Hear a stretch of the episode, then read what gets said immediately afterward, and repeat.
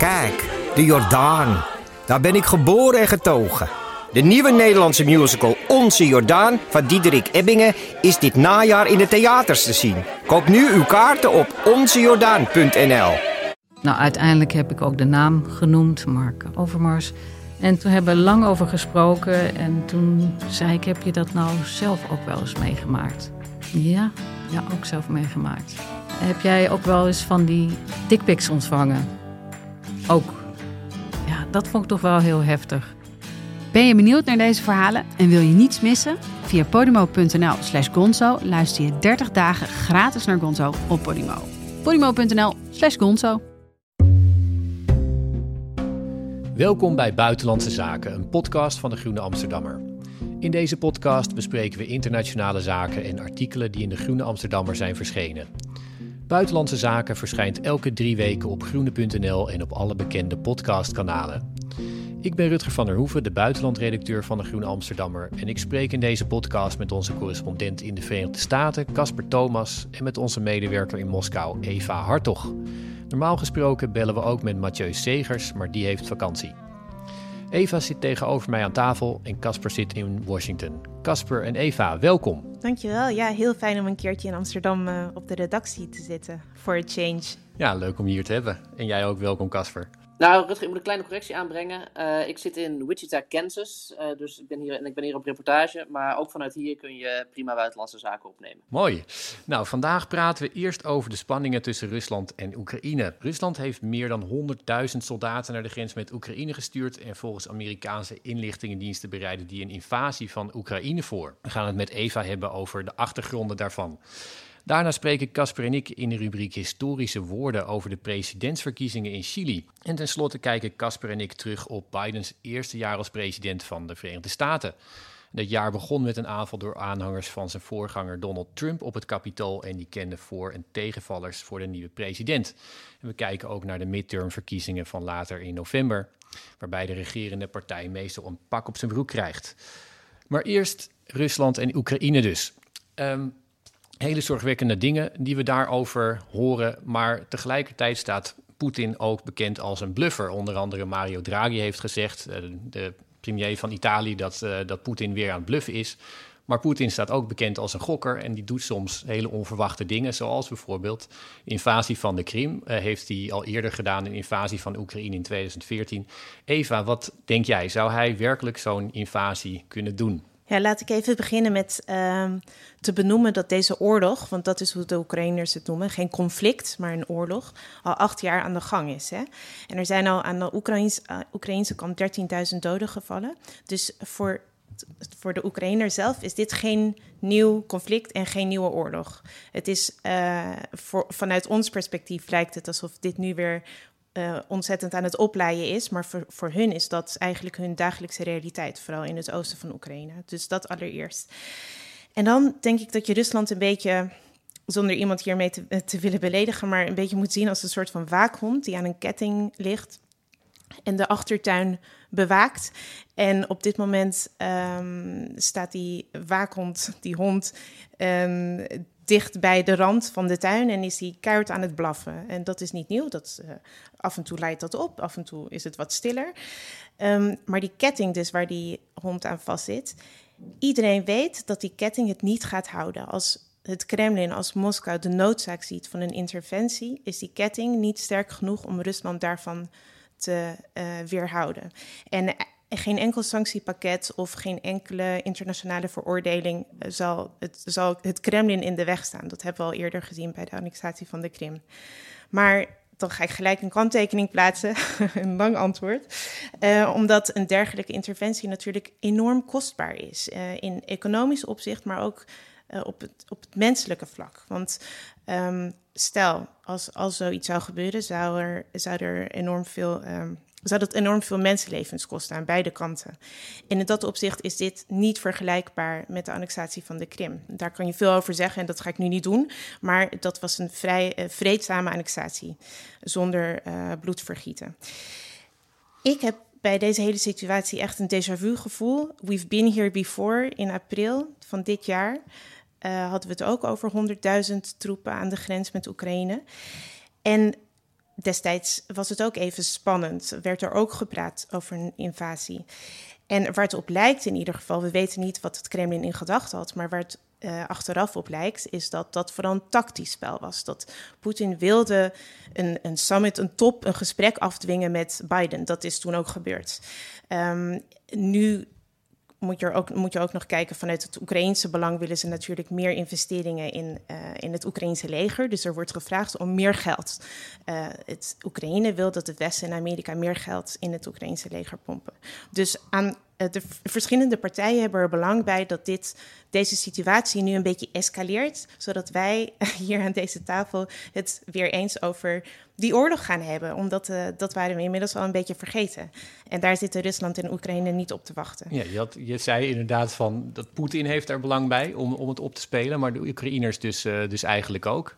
En, maar je, zei ook dat um, uh, je had het over de kosten die eraan verbonden zijn en over, de, uh, over die, de reactie die gaat komen. Je noemde sancties. Um, misschien is het dan, uh, dan goed om er even de VS bij te halen. Want um, nou ja, de Verenigde Staten moet toch altijd de westerse respons leiden. Ook nu kijkt, kijkt Europa heel erg naar de, de Verenigde Staten, wat Biden doet. Biden belt inderdaad met Poetin. Dus Poetin heeft dat afgedwongen en is het gelukt. Dan belt Biden weer met Europese leiders.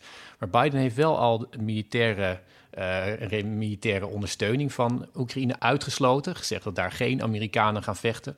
Dreigt wel met hele vergaande sancties. Die moeten kennelijk verder gaan dan wat er nu al is, want er is al heel veel. Casper, uh, kan ik jou al even vragen, hoe, hoe, zie, jij, um, de, hoe zie jij het vanuit de, de Verenigde Staten en die, die dreiging en ook dat verhaal dat, het, dat er toch ook een aspect aan lijkt te zitten dat um, Poetin heel hard weer om aandacht vraagt? Ja, Eva sprak over het déjà vu gevoel dat ze had. En dat had ik inderdaad ook wel een beetje. Uh, kort na het aantreden van Biden heeft Poetin inderdaad ook de druk aan de grens met Oekraïne opgevoerd. En kreeg inderdaad toen meteen wat hij wilde. Een ontmoeting met de Amerikaanse president, eye to eye. Dus eh, zijn status als wereldleider was daar weer mee bevestigd. En toen de spanningen dus recent weer begonnen op te lopen, dacht ik, ja, is dit inderdaad hetzelfde? Is dit weer uh, Poetin die zichzelf even het podium op, opdreigt, om het zo maar te zeggen? Ik denk zeker dat dat meespeelt. Tegelijkertijd heeft Biden zich inderdaad nu wel heel anders opgesteld dan de vorige keer. We weten niet precies wat er binnenkamers is gezegd uh, in, het, in het gesprek tussen die twee. Maar het is wel duidelijk dat Biden heeft gezegd: luister eens, als je nu uh, letterlijk en figuurlijk de grens overgaat, uh, dan komen wij met, met echt met hele zware economische sancties. En een van de vragen die daar bijvoorbeeld bij hangt is: gaan ze dan proberen om Rusland uh, buiten het internationale betalingsverkeer te zetten, bijvoorbeeld? Dat is eigenlijk de, het, uh, hoe zeggen, de, de, de, de nucleaire bom van de sancties, die eigenlijk constant in dat Rusland-Westen-conflict zit. en, en goed, er zijn twijfels over of dat zal helpen, want het, dat raakt niet alleen Rusland, dat raakt ook weer landen die economisch met Rusland verknoopt zijn. Dus dat is heel erg lastig. Maar ik was wel enigszins verbaasd. En, en toch wel over de hele ferme, de ferme taal en, de, en een soort rode streep die Biden toch wel getrokken heeft. En het interessante is, ik ben ook wel benieuwd of, of, of Eva daar nog gedachten over heeft, is dat je, omdat Biden dat gedaan heeft, dat is iets wat Oekraïne juist nu weer heeft aangegrepen om ook weer de, laten we zeggen, de drugs op zowel Europa als de Verenigde Staten op te voeren. Om, om eigenlijk door te pakken. Dus je komt een reactie van het ministerie van Buitenlandse Zaken van Oekraïne. Die zeggen, luister eens, jullie moeten uh, sancties, zwaardere sancties op Rusland gaan gooien.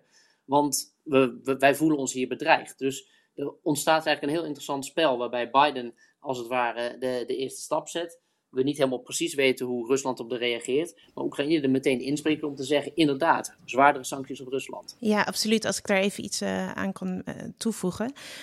Zelensky, dus de president van Oekraïne, heeft het over preventieve sancties. Dat is eigenlijk wat Oekraïne wil. Dus Oekraïne wil Rusland preventief straffen enerzijds en het wil meer geld uh, vanuit het Westen. En de boodschap is heel simpel. Het is gewoon, jongens, als jullie niet willen dat er een invasie komt, dan moeten jullie ons meer steunen. Meer, je kan niet met één uh, one leg in, one leg out het over dit conflict blijven hebben. Dat is aan de Oekraïnse kant inderdaad. En ik ben het helemaal met je eens, Casper, omdat er nu um, ook vanuit, denk ik, gestuurd door Rusland, dat heeft Poetin wel echt bereikt vanuit Russisch oogpunt is het hele Oekraïne-conflict een, um, eigenlijk een soort van standoff tussen Rusland en Amerika.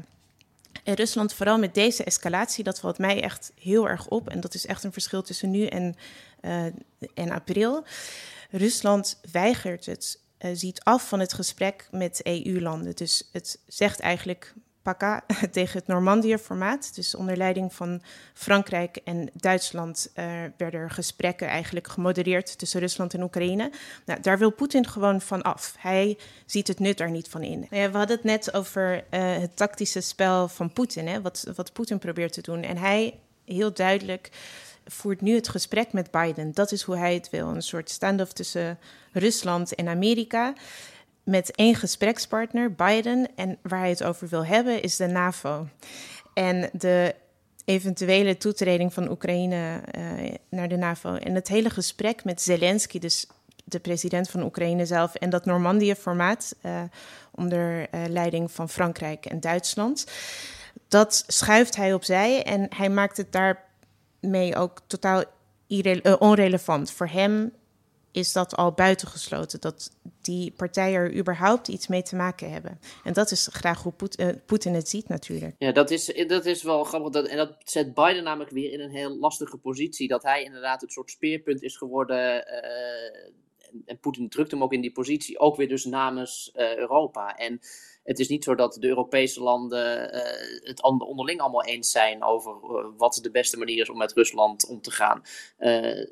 De, een van de onderwerpen die op tafel ligt is: moet uh, de Nord Stream gaspijplijn onderdeel van het sanctiepakket worden? Nou, daar denkt Duitsland uh, heel anders over dan andere Europese landen en ook dan, dan veel Amerikanen. Dus um, de, eigenlijk is het het gevolg, dat, dat besef ik me nu van het tactische spel dat Poetin speelt, is dat ook de, de relatie Europa-VS hier eigenlijk veel ingewikkelder mee wordt. Ja, en als we wel eens zeg maar ook van een, van een afstandje naar dat conflict gaan kijken, dan, dan is toch iets wat de hele tijd terugkomt van, ja, wat is Oekraïne nou eigenlijk? Die, dat, die vraag die werpt Poetin toch ook volgens mij heel duidelijk op. Wij beschouwen dat als een vrij land en dat dus ook mag kiezen waar het lid van, van wordt. Um, daar zijn dan rechtsregels voor die ieder land heeft te respecteren en Rusland ook. Um, Poetin die zegt nee, uh, we hebben de Russische wereld. Oekraïne die is daar deel van. Eigenlijk is het een historische fout uh, dat ze daar niet in zitten. En daar hoort ook de analyse bij van ja, um, als Poetin dat zo beschouwt, is het eigenlijk gewoon een provocatie van het Westen om daarin te, in te roeren. Uh, die, die fundamentele vraag, Eva, hoe kijk jij daar tegenaan? Ja, ik kan daar geen antwoord op geven natuurlijk. Geen uh, definitief antwoord. Wat duidelijk is, Oekraïne en Rusland uh, hebben gedeelde geschiedenis die honderden jaren teruggaat. Um, en nog voor de Sovjet-Unie. En als ik even kijk naar, als ik het klein hou, dus mijn moeder is Russisch, ik heb een Russische moeder en zij is in Donetsk uh, opgegroeid. En als kind gingen zij op vakantie naar de Krim, net zoals heel veel Sovjet-gezinnen, Russische gezinnen. En dus er, die hele relatie is heel erg emotioneel beladen. Het, is, um, het wordt door heel veel Russen gezien als één familie. En ik zou zeggen, ook door heel veel Oekraïners, voordat dit hele conflict begon, zagen zij zichzelf ook als deel van een familie. Um, en er, er, is een Russische politicoloog, een prominente politicoloog, Gleb Pavlovsky. En hij omschrijft deze hele situatie met Oekraïne als een trauma omwikkeld in een trauma, dus verpakt in een trauma. Um, zoals altijd in Rusland is alles uh, nogal ingewikkeld. Maar wat hij daarmee bedoelt is dat eerst heb je het uiteenvallen van de Sovjet-Unie in 1991. En daarna verliest Rusland ook nog grip over Oekraïne. Keert Oekraïne zich tegen Rusland. En dat, uh, dat wordt op een emotioneel niveau niet goed uh, opgevat. En eigenlijk vanuit Russisch oogpunt is de status quo die al jarenlang bestond, nu um, principieel veranderd. En Rusland eist, of we het daarmee eens zijn of niet, maar het eist een aanpassing van de spelregels. Het eist een soort van nieuwe detente met Amerika. En ik zeg Amerika, ik kom daar weer op terug, ik herhaal dat eventjes, dat punt, is omdat Rusland ziet Oekraïne inderdaad niet als onafhankelijke staat. Dus als wij het over de autonomie van Oekraïne hebben, denkt vanuit Rus Russisch oogpunt, vanuit het perspectief van Moskou, heeft het nu te maken met Amerika. Niet eens met de EU. Dus Oekraïne is vanuit Russisch oogpunt een westers construct. En dat is eigenlijk het beginpunt van het beleid wat nu gevoerd wordt vanuit Moskou. Ja, ja dan, en dan zijn we inderdaad weer terug bij Amerika. Het is toch mooi dat we een, een, een Russisch-Amerikaanse uh, as in deze, deze podcast hebben zitten. Want Biden heeft in zijn, in zijn gesprekken met Poetin de afgelopen tijd is daar heel stellig in geweest. Heel erg het, de autonomie van, van Oekraïne benadrukken. En dat is nu eigenlijk een soort codetaal, gewoon om te zeggen als Oekraïne ervoor kiest zich in het Westen te integreren, uh, met defensieverbanden, uh, met handelsverbanden, met politieke verbanden, dan staat het, het dat, dat land vrij. Want dat is het model waar wij vanuit Amerika mee werken. Uh, en dat is hoe Amerika tegen de wereld aankijkt. Dus in die zin klopt de perceptie, de, de, Russische perceptie wel. en zijn dat gewoon eigenlijk twee hele fundamentele wereldbeelden die, die, die zich gewoon niet met elkaar kunnen voegen. Uh, en, en nou ja, goed, de, we gaan denk ik dit gewoon nog vaker zien. Dit, bedoel, onder Biden als president, die dus wel een harde lijn hanteert tegen opzichte van, van Poetin, in tegenstelling tot, tot zijn voorganger.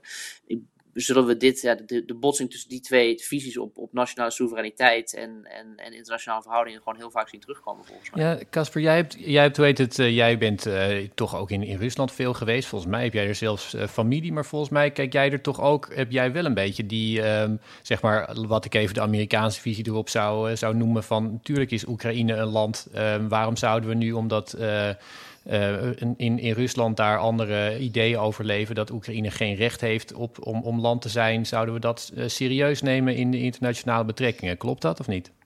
Ja, nou, dat, ah, je zegt hier een hoop dingen die kloppen. In, ik, ik, als ik mijn, mijn bloedlijn zou terugrijden, dan, dan zou ik denk ik een kwart Rus zijn. Mijn, mijn, mijn oma komt uit Rostov, dat is niet heel ver van, van Donetsk. Dus, en op, uit een tijd dat dat gewoon allemaal Rusland was. Dus ook geografisch gezien zitten we vandaag dicht bij elkaar.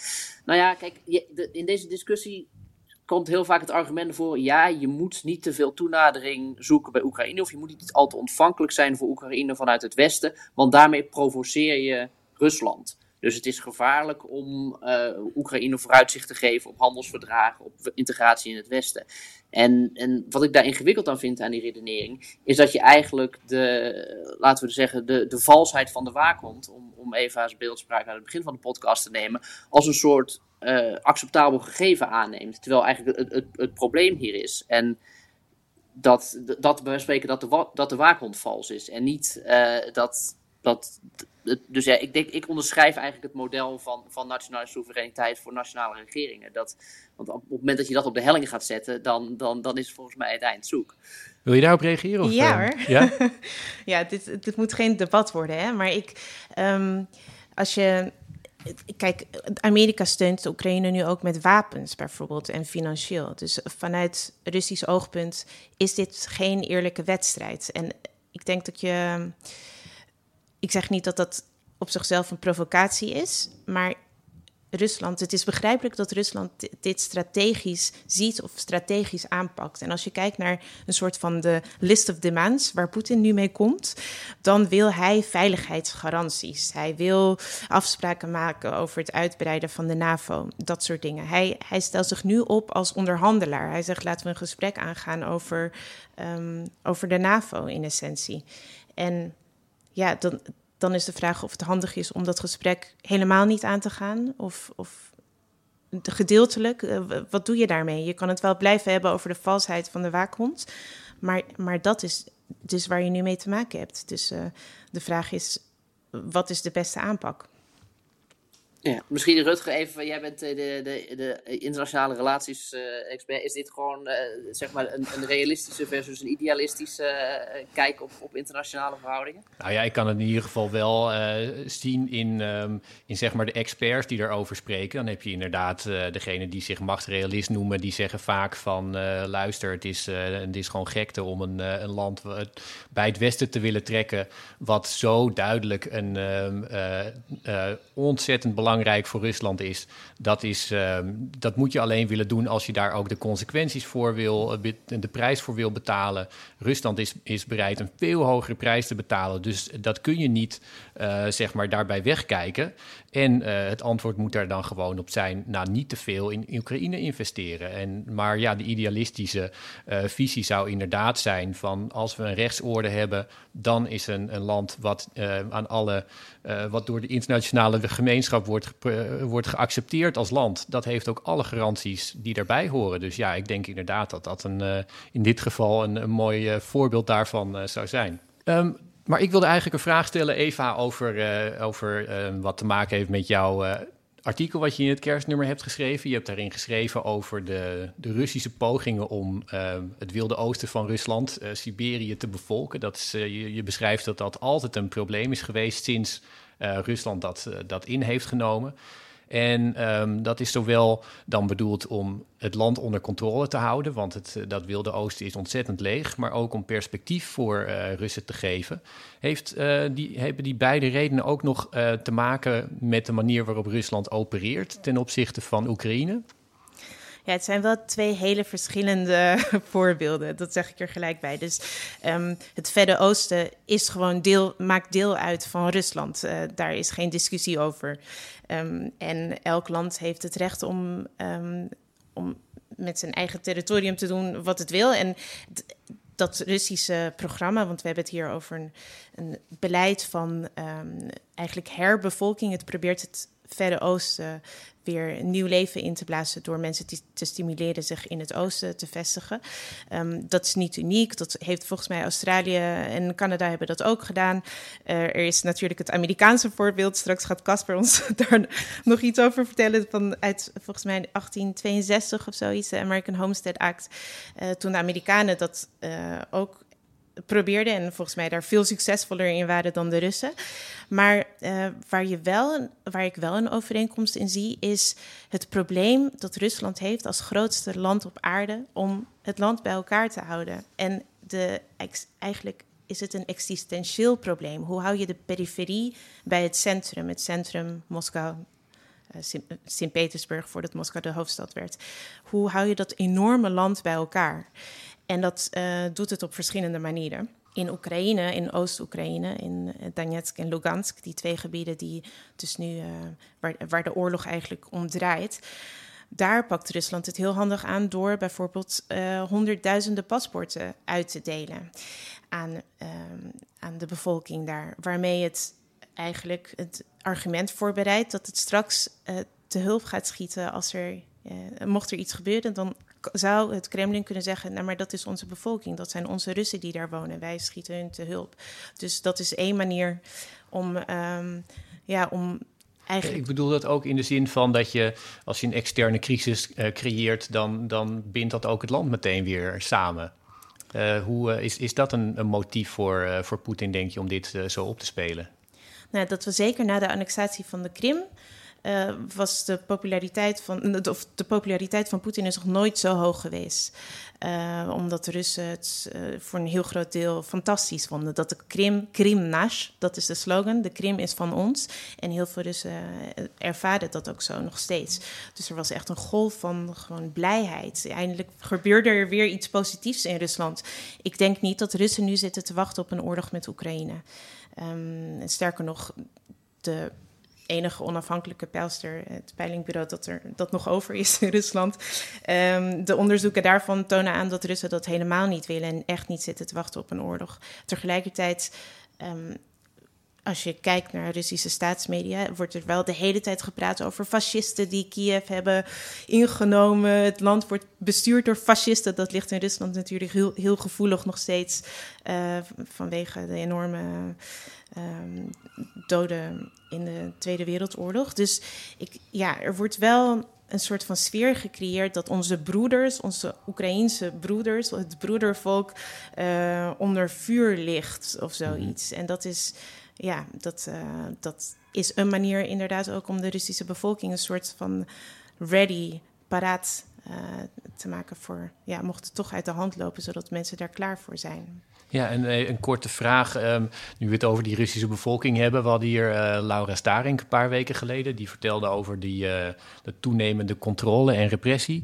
Um, hoe zie jij dat in, jou, in jouw werk en in jouw leven? Zie jij die, de controle of misschien de repressie, zoals je dat, als je dat woord zou willen gebruiken, zie jij dat ook toenemen? Maak jij er soort evenveel zorgen over?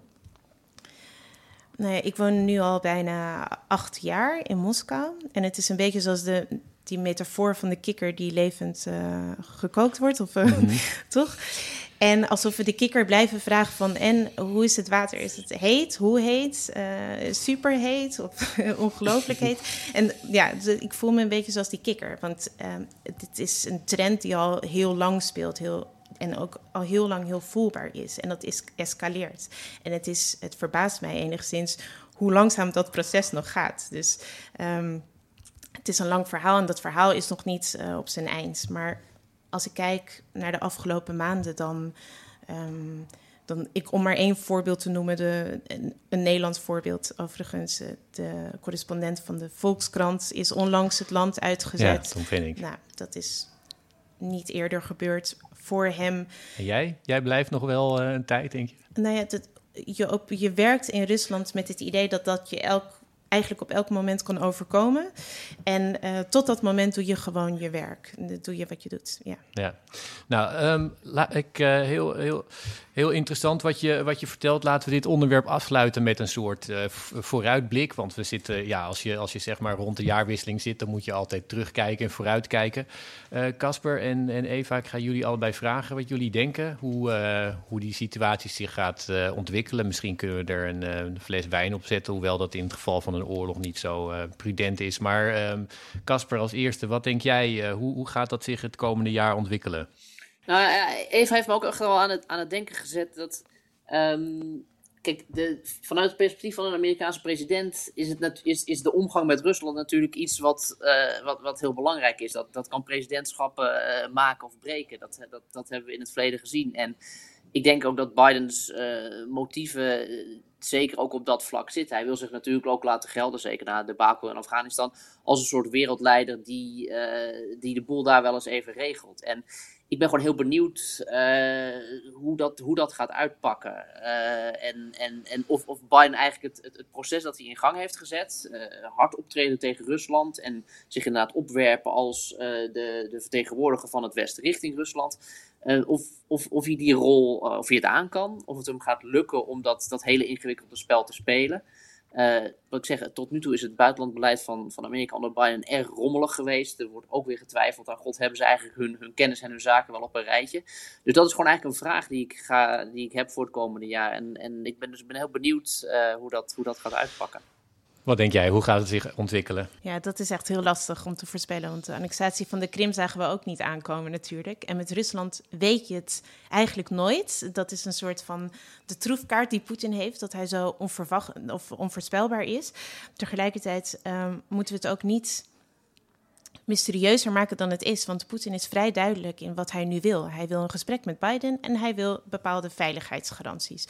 En... Um, ja, we moeten maar kijken wat daaruit komt, of dat hem gaat lukken. Maar wat ik wel heel erg merk, ook nu met de escalatie, uh, vooral in, in, de media en retorisch gezien, rondom het Oekraïne-conflict, volgens mij zijn alle partijen moe. Er is een soort van moeheid rondom het idee van de Russen komen. Rusland wil een verandering van de status quo.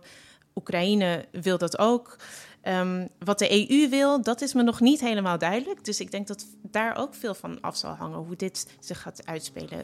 Gaat het lukken om bijvoorbeeld uh, onafhankelijke verkiezingen te organiseren in die regio's? Dat zou een begin kunnen zijn uh, van een ander verhaal. Maar vooralsnog um, denk ik dat het blijft bij uh, veel bluff en hard geblaf. Ja. Veel bluff. Nou, Klas, klassiek probleem weer. De, de, EU weet niet precies wat het wil. En, en de EU is ook weer, is ook weer een, een te verdeelde eenheid om, om hier, dat hadden we het al even over, te, een, een, ja, één ding op te willen. En dat, dat, maakt het, dat maakt het volgens mij alleen maar ingewikkelder.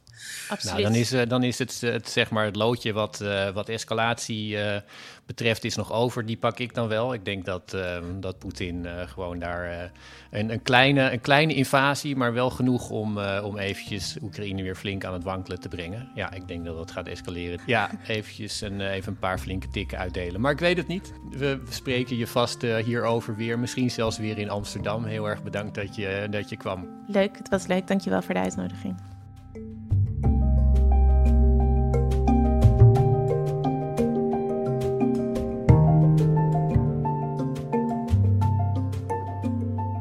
En dan nu historische woorden, onze rubriek waarin we een citaat bespreken van een politicus uit de afgelopen weken dat zomaar historisch zou kunnen worden.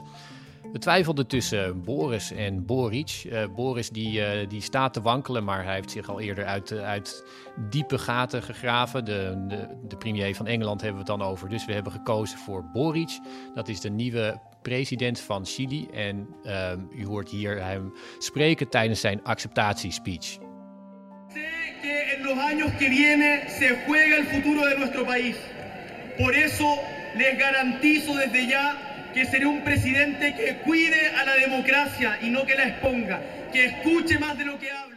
Nou, we hoorden daar Boric zeggen dat de toekomst van het land de komende jaren op het spel staat. En hij zei: Daarom garandeer ik jullie dat ik een president zal zijn die de democratie beschermt en niet uitholt en die meer luistert dan praat. Ja, als we dit horen, dan is het voor ons echt uh, gisteravond, zeg maar. Hij, heeft, um, hij stond in de verkiezingen tegenover een extreem rechtse kandidaat.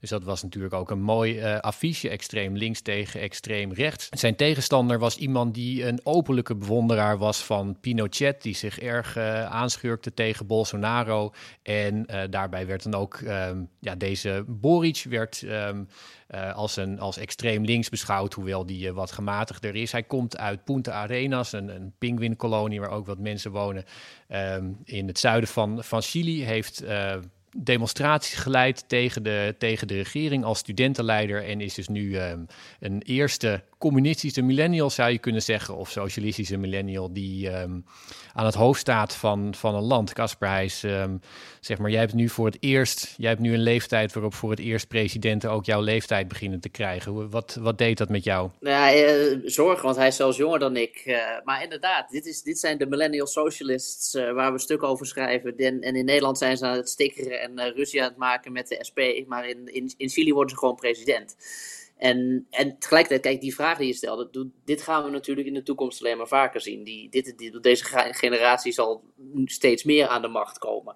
En dan is het misschien best een opsteken dat uh, de, de, een, linkse buitenstaander zoals dit, uh, en inderdaad heel jong nog natuurlijk, zomaar president van, van Chili kan worden. Kijk, hij is politiek actief geworden in, zo, zeg, laten we zeggen, rond 2011. Dus hij is echt het product van laten we zeggen, de, de jaren van de financiële crisis, uh, de Occupy Wall Street beweging, gewoon die hele linkse golf, waar we altijd artikelen over hebben geschreven goh, wordt dat nou wat, uh, zet dat nou politiek zich ook ergens in, in, in door?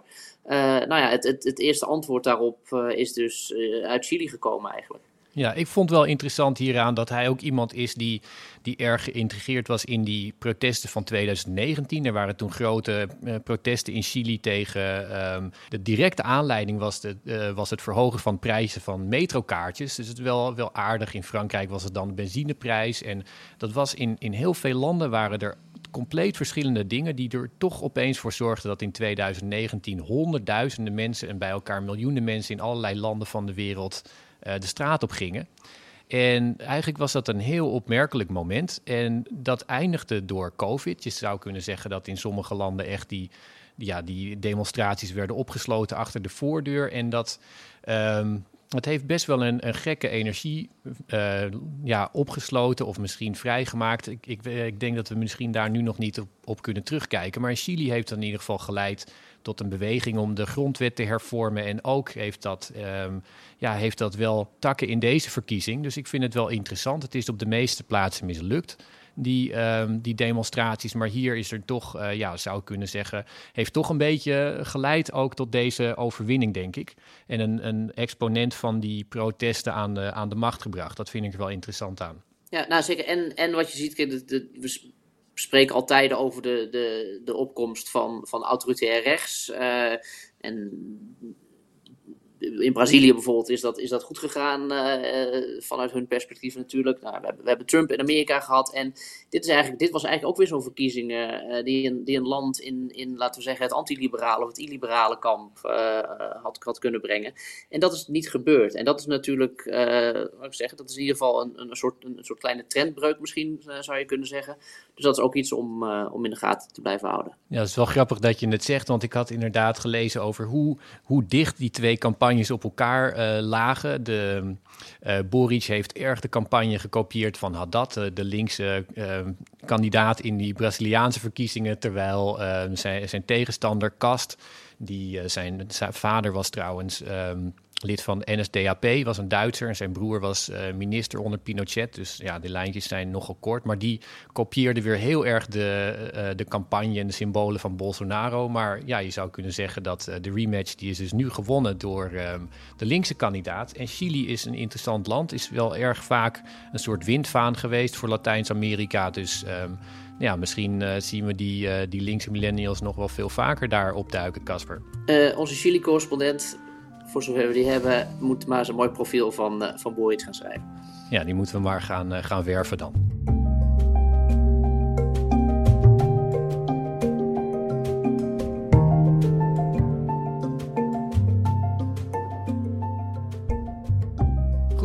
gaan we nu naar de Verenigde Staten. Het presidentschap van Joe Biden is bijna een jaar oud, maar zeker in het begin werd dat nog regelmatig overschaduwd door zijn voorganger Donald Trump. Dit jaar begon ermee dat Trumps aanhangers het Capitool bestormden om te voorkomen dat Biden zou worden bekrachtigd als nieuwe president van de VS. Ehm, nu zijn de hoorzittingen daarover bezig. Casper, kun je eventjes um, ons een update geven en ook uh, kijken naar hoe die zich uh, zouden kunnen gaan ontwikkelen? Ja, een, korte update. Die, die hoorzittingen, dus echt de grote onderzoeken uh, vanuit het congres naar de toedracht van die bestorming van het kapitool en, en, en de, de achtergronden daarvan, die zijn na lang horten en stoten uh, haperend op gang gekomen. De Republikeinen waren eerst heel erg tegen.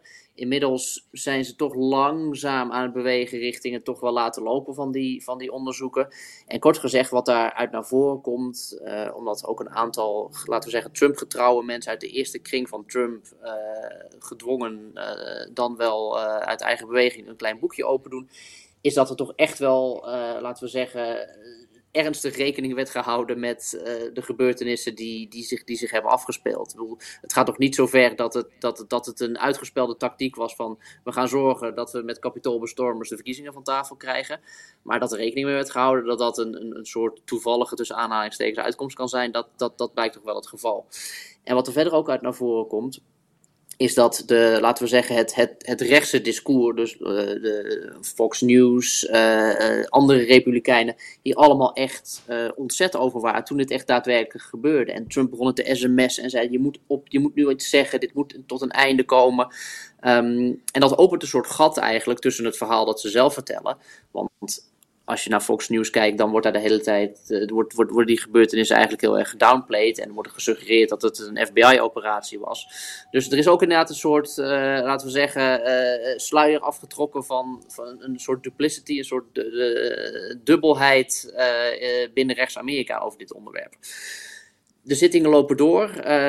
het gaat nog wel even duren. Um, maar en, en tegelijkertijd graaft ieder kamp uh, zich nog steeds gewoon in, in zijn eigen positie. Uh, Trump die, uh, en, en Trump-aanhangers zeggen nog steeds dat, of voeden nog steeds de, de complottheorie dat het allemaal maar een, een, een verzinsel was. En, of, of uitgelokt door de FBI of een false flag operation. Ja, daar, als ik daar iets over mag vragen, dat, dat leek toch in het begin leek dat een beetje bedoeld te zijn om, ehm, ja, om, om nog gezicht te, te redden, zeg maar. Dat Trump die had duidelijk daar gewoon uh, drie uur lang zitten kijken en hoopte dat dat nog iets zou opleveren. Um, hij had die mensen natuurlijk gestuurd. Uh, en daarna probeerde ja, hij zelf en Fox News en iedereen daar een verhaal van te maken waar die toch dan uit zou komen. Ja, dat, dat eigenlijk de leugen was naar de andere kant. Maar dat leek een beetje. Um, ja, toch een soort vlucht naar voren om te, ja, niet te, toe te geven dat daar een, een soort koepoging was gepleegd. Maar de big lie, dat wordt steeds meer een soort brandstof, zou je kunnen zeggen, voor, uh, voor Trump om, uh, om zich verkiesbaar te gaan stellen. Dat heeft hij nog niet gedaan, maar iedereen houdt er rekening mee. En dat wordt ook de hele Republikeinse partij moet zich daaraan aansluiten. En dat is zijn eigen platform geworden, lijkt dat. Uh, zie jij dat ook zo? Nou, nou ja, dat zeg je wel goed. Ik, ik ben benieuwd als ik hier straks uh, door, door, door het plat Kansas ga rijden of ik ze ook weer zie. Maar je, hebt nu een aardig Trump-bordje en dat uh, wat in de voortuinen van mensen staat. En dat is dan een bordje voor de volgende verkiezing alvast. Maar daarop staat Fix 2020 first. Dus eigenlijk, de suggestie wordt daar gewekt dat de verkiezingsuitslag van 2020 niet, niet, niet, niet zuiver is. Dus dat, en dat is, dat is eigenlijk heel tekenend. Idee, kijk, wij noemen het de big lie. Uh, het, het, het, het, Republikeinse kamp, of, of de mensen die hierin geloven, die noemen dit natuurlijk de big truth. Of die zeggen de big lie zijn de verkiezingen zelf. Dus ja, het is, um, ik denk inderdaad dat het zo is dat, dat de verkiezingen van 2020 en dat die, dat die dan gestolen zouden zijn, uh, dat dat het grote afzetpunt gaat worden voor Trumps campagne. Um, wat niet meteen gezegd is dat dat, uh, dat dat gaat slagen of dat dat heel goed werkt. Want Uh, je ziet bijvoorbeeld dat in die, in die hoorzitting waar we het net al even over hadden, dat Mitch McConnell, de senaatsleider van de Republikeinen, die is al een beetje aan het bewegen. Die is eigenlijk steeds meer die, die onderzoeken, uh, als het ware, de ruimte aan het geven. En, want die ziet ook wel, dit, is, dit, dit kan ook een manier zijn om, om Trump op een soort zijspoor te zetten. Uh, dat is de Republikeinen tot nu toe nog nooit gelukt. Dus of die operatie zal slagen, dat, dat, dat, dat is zeer te bezien. Um, maar dus dat, ja, opnieuw weer iets voor, voor, voor het komende jaar om in de gaten te houden. In hoeverre is dat nou het, wordt dat het, grote scheidspunt binnen de Republikeinse Partij? Val je aan de kant die daarin meegaat? Uh, en als je dat niet doet, is, heb je dan nog een plek in de partij? Nou, dat is een beetje de. de, dus de en die, die hoorzittingen zelf gaan daar ook een rol in spelen, denk ik. Als, als ik hier de beschouwingen lees over de Verenigde Staten, dan is een, een, een heel groot thema is de hele tijd die, die kieswetten. Er wordt, een, uh, er wordt een beetje paradoxaal vaak geschreven dat um, veel te weinig mensen zich bezighouden met het republikeinse offensief om uh, de volgende verkiezingen te winnen. Dat, ja, als iedereen dat zegt, kan het toch moeilijk uh, waar zijn. Maar um, er wordt beschreven dat er, een, dat er ontzettend veel, uh, in ontzettend veel plekken worden zowel nieuwe kieswetten aangenomen. Die waren nou ja, historisch bedoeld vaak om te zorgen dat. Um, Afro-Amerikanen niet konden stemmen, maar nu ook heel expliciet om democratische uh, uh, stemgroepen het lastiger te maken, bijvoorbeeld via het uh, stemmen per post. Um, maar het, het is ook heel vaak een soort voorbereiding om verkiezingsontkenners in het kiessysteem te krijgen. Dus mensen die in die big lie geloven, die, uh, die gaan dan, of die, die worden uh, tot, um, tot opzichter, proberen zich te laten benoemen van kiesdistricten en dergelijke. Uh, en daar komt dan als bottom line uit dat afgelopen 6 januari eigenlijk een soort oefenronde is voor een staatsgreep in 2024. hoe, hoe zie jij dat? Ja, dat is de, de, de Atlantic had een, een veelgelezen verhaal deze maand januari 6, uh, eh, dus van voor af, dit jaar, was eigenlijk nog maar een oefening. Uh, voor wat er, wat er in 2024 echt gaat gebeuren. En de suggestie is een beetje, en, die, en ik snap wel waar die vandaan komt, is dat de, de, de, de ware bedreiging voor de Amerikaanse democratie, dat zijn niet de mensen met een vlag en een pet die uh, de, de, ruiten van het kapitool kwamen inslaan, zonder daar ook maar iets aan af te doen aan, aan, aan hoe ernstig dat was. Maar eigenlijk komt het gevaar veel meer van binnenuit, van binnen uit het systeem zelf. En dat heeft inderdaad te maken, je zei het al Rutger, met heel veel kieswetten die op statelijk niveau aan het veranderen zijn. Dan hebben we het zowel over wie er over de verkiezingen gaat, wie, ze, wie, wie erop toezit, als, als hoe de, bijvoorbeeld de, de electorale landkaart eruit ziet. Om een voorbeeld te geven, uh, Ohio heeft, heeft de laatste tijd grenzen van kiesdistricten hertekend. En als je daar nu verkiezingen zou houden op dit moment, en dat is dus de situatie waarmee die staat ook de verkiezingen ingaat, um, Trump won daar 53% van de stemmen. Uh, nou, dat is een, een, een krappe meerderheid, maar een meerderheid. Maar ongeveer 80% van de, uh, de zetels in, in het congres die die staat afvaardigt, die zou op deze manier naar de Republikeinen kunnen gaan. Dus dat is een enorme uh, scheefgroei als het ware. En dat is dus gerrymandering, de term is al vaak gevallen, maar dat, dat gebeurt overal. Ander voorbeeld, Wisconsin um, heeft wetten aangenomen waarin niet langer een onafhankelijke kiescommissie zou je kunnen zeggen, maar het staatsbestuur degene is die moet toezien op het verkiezingsproces, de resultaten moet goedkeuren. Nou, dat moeten ze altijd doen, ook echt de, de, de, het, het, onderzoek daarna moet doen. Dus daarmee is er eigenlijk, laat je zeggen, kun je zeggen in de staat Wisconsin, een politieke greep gekomen op de verkiezingsuitslag. En dat zijn voorbeelden, en die zie je dus in een heleboel staten gebeuren, waarin de kans dat, uh, laten we zeggen, een, een, een, een, nette verkiezingsuitslag zich ook vertaalt in een, in, een, in een politieke uitkomst in Washington, wordt op deze manier eigenlijk gewoon steeds kleiner. En dat momenteel is de grote bedreiging voor de Amerikaanse democratie. Maar je beschrijft het toch ook een beetje als um, same, same, but different misschien? Uh, dit, dat gerrymandering is ook al een generatie aan de gang en andere dingen ook. Heb jij het gevoel dat er, echt, er nu echt toch iets, iets anders is dan hiervoor?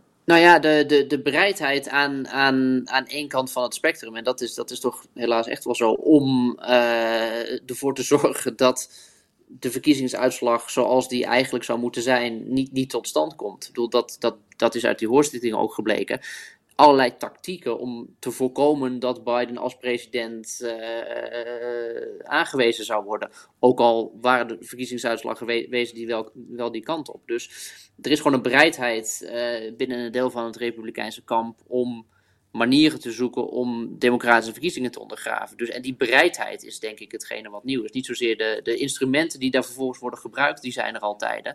Maar er is een, een mindset uh, die, die daar heerst. En, en de vraag is hoe lang de democraten in staat zijn om dit uh, te negeren of, of het zelf netjes te blijven spelen. Want op het begint, als je met z'n allen in de modder worstelt, word je misschien allemaal vies. Maar uh, dat, is, dat is echt hetgene wat volgens mij op dit politieke moment in Amerika anders is. Ja, en als we eventjes vooruit gaan kijken naar die verkiezingen die nu, die nu gaan komen. Nou, meestal, ik zei het al in het intro, meestal krijgt de regerende partij dan klop.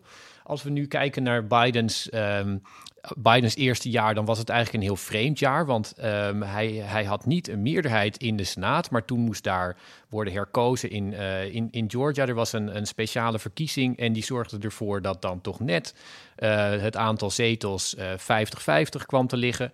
Als je in ieder geval um, onafhankelijke bij de Democraten meetelde, nou dat betekende dan een nipte meerderheid voor Biden. Het afgelopen jaar bleek die meerderheid eigenlijk op cruciale momenten nauwelijks een meerderheid te zijn. Of, of mensen die democratisch zouden moeten stemmen, die um, bleken hun uh, totaal eigen agenda te hebben.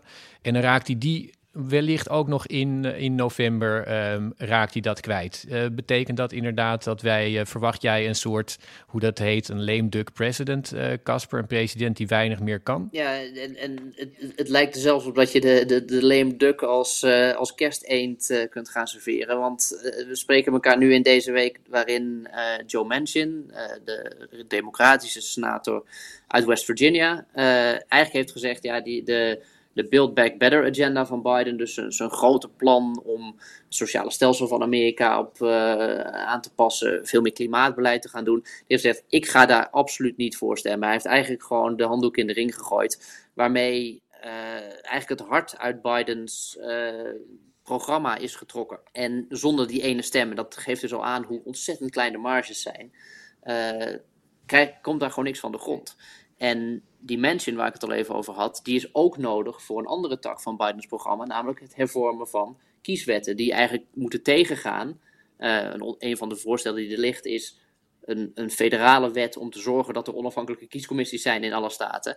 Um, die, is, die, die mensen is ook nodig om dat er doorheen te krijgen. En het lijkt erop dat hij daar ook niet voor gaat stemmen. Dus eigenlijk gaat Biden nu, uh, en, uh, Biden de regering, uh, de, de, de kerst in, sluit het jaar af met de boodschap dat misschien zelfs gewoon eigenlijk hun presidentschap er min of meer op zit qua wat ze echt gedaan kunnen krijgen. En trek dat door naar de verkiezingen. En, en uiteindelijk heeft Biden dan misschien wel heel weinig geleverd voor, voor, zijn, voor zijn kiezers. En dat, um, de vraag is, kon, kon hij er iets aan doen? Uh, nou ja, mensen leek op geen enkele manier te overtuigen. Dus zonder zijn stem, uh, en zonder zijn stem ging het niet. Dus misschien niet. Maar uh, ja, de, de, de lame duck doet zich, dient zich dus op deze manier misschien wel eerder aan dan we verwacht hadden. Ja, nou ja, als je, um, je, je hebt gelijk, als je gaat kijken, heeft hij, heeft voor zijn kiezers veel kunnen, kunnen leveren, dan, um, dan ziet het er pover uit. Tegelijkertijd heeft hij toch um, uh, iets geleverd waar iedereen naar zat te snakken. Dat was een soort uh, stabiliteit en normaliteit en, en verantwoordelijkheidsgevoel daar, waar we allemaal in januari heel blij mee waren. En uh, in het licht daarvan is het toch vreemd dat Bidens populariteit zo laag ligt. Ik bedoel, hij heeft met, uh, uiteindelijk toch best met een flinke voorsprong gewonnen.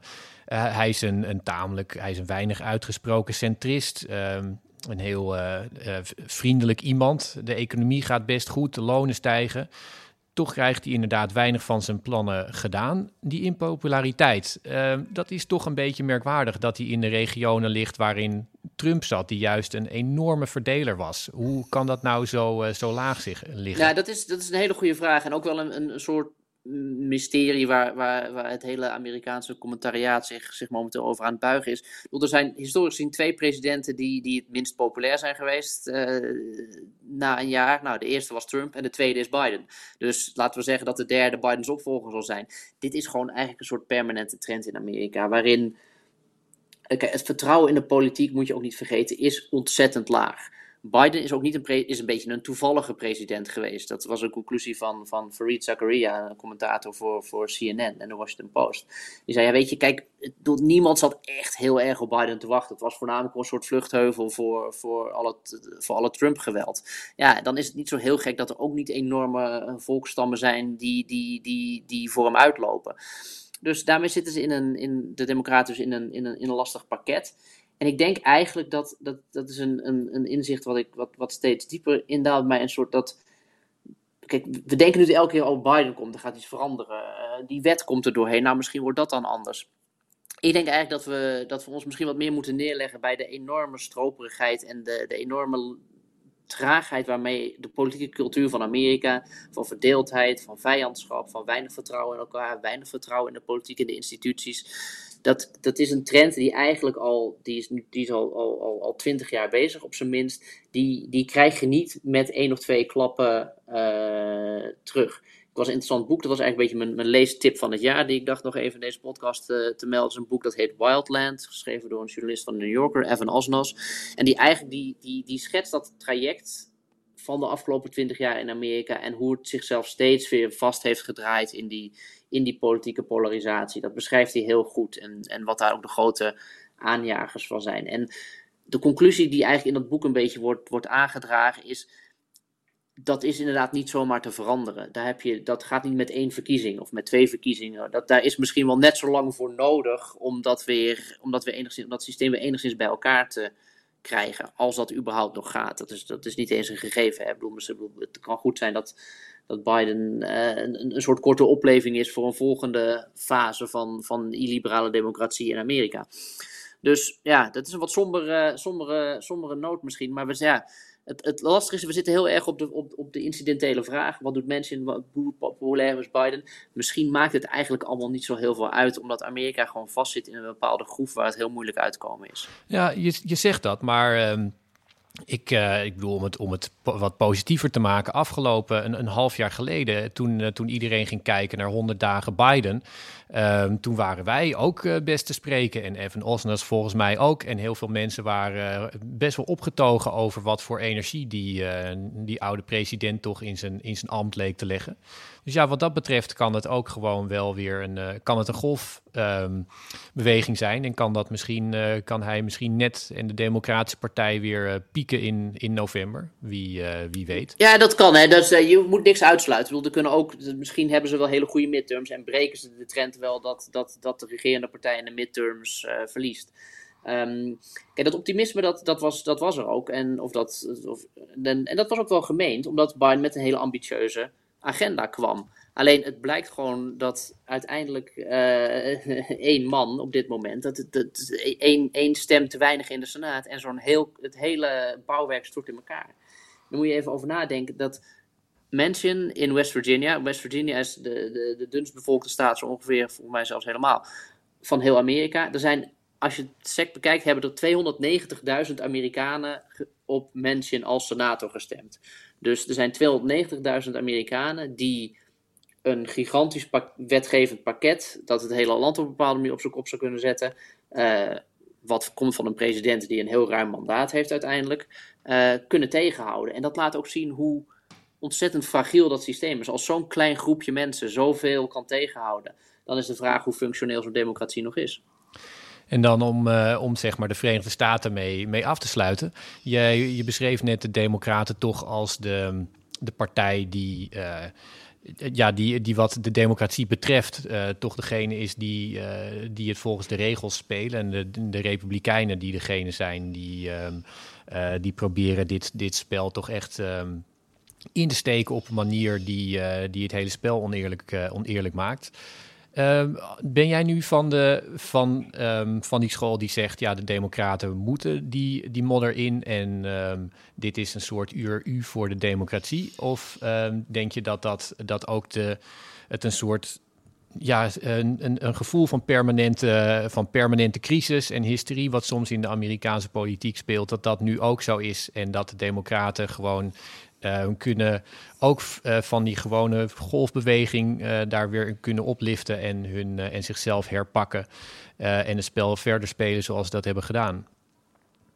Ja, goede vraag. Ik, ik, ik twijfel en ik wissel ook nog wel eens qua, qua, qua oordeel en conclusie misschien. Maar dat komt ook omdat de realiteit best wel vaak verandert. Kijk, de mentaliteit waar we het even over hadden eerder aan de Republikeinse zijde, die is, dat is gewoon eentje van, van die, die, is, die is, laten we zeggen, vrij genadeloos. En, en of rukzichtloos het, het, eigen belang nastreven, hoe je dat dan ook definieert. En de Democraten proberen het de hele tijd nog steeds te doen, op, op Republikeinen bij hun agenda proberen te trekken, compromissen proberen te sluiten, et cetera. En je ziet gewoon dat, dat uh, laten we zeggen, die zachte politieke stijl legt het af tegen die harde politieke stijl. Dus de vraag is, komt er een moment waarop de Democraten gaan zeggen: Oké, jongens, dit, dit gaat gewoon, dit gaat gewoon, het gaat nergens naartoe. We moeten zelf ook keihard gaan spelen.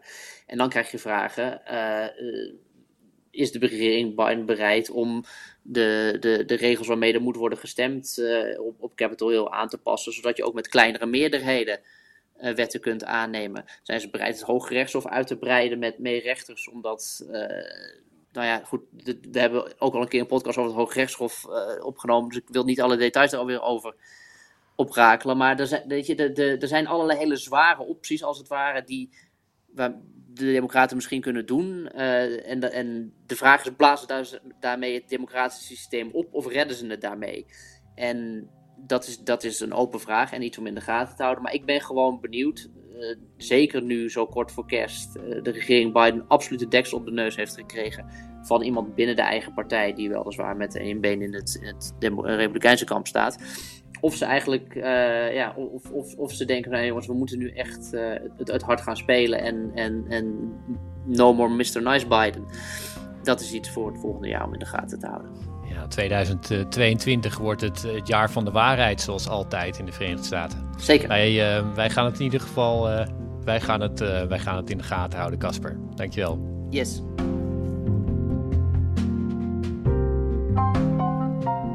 U luisterde naar Buitenlandse Zaken, een podcast van de Groene Amsterdammer. U hoorde Rutger van der Hoeven en Eva Hartog vanuit Amsterdam en Casper Thomas vanuit Wichita, Kansas. Deze podcast werd gemaakt door Giselle Mijnlief.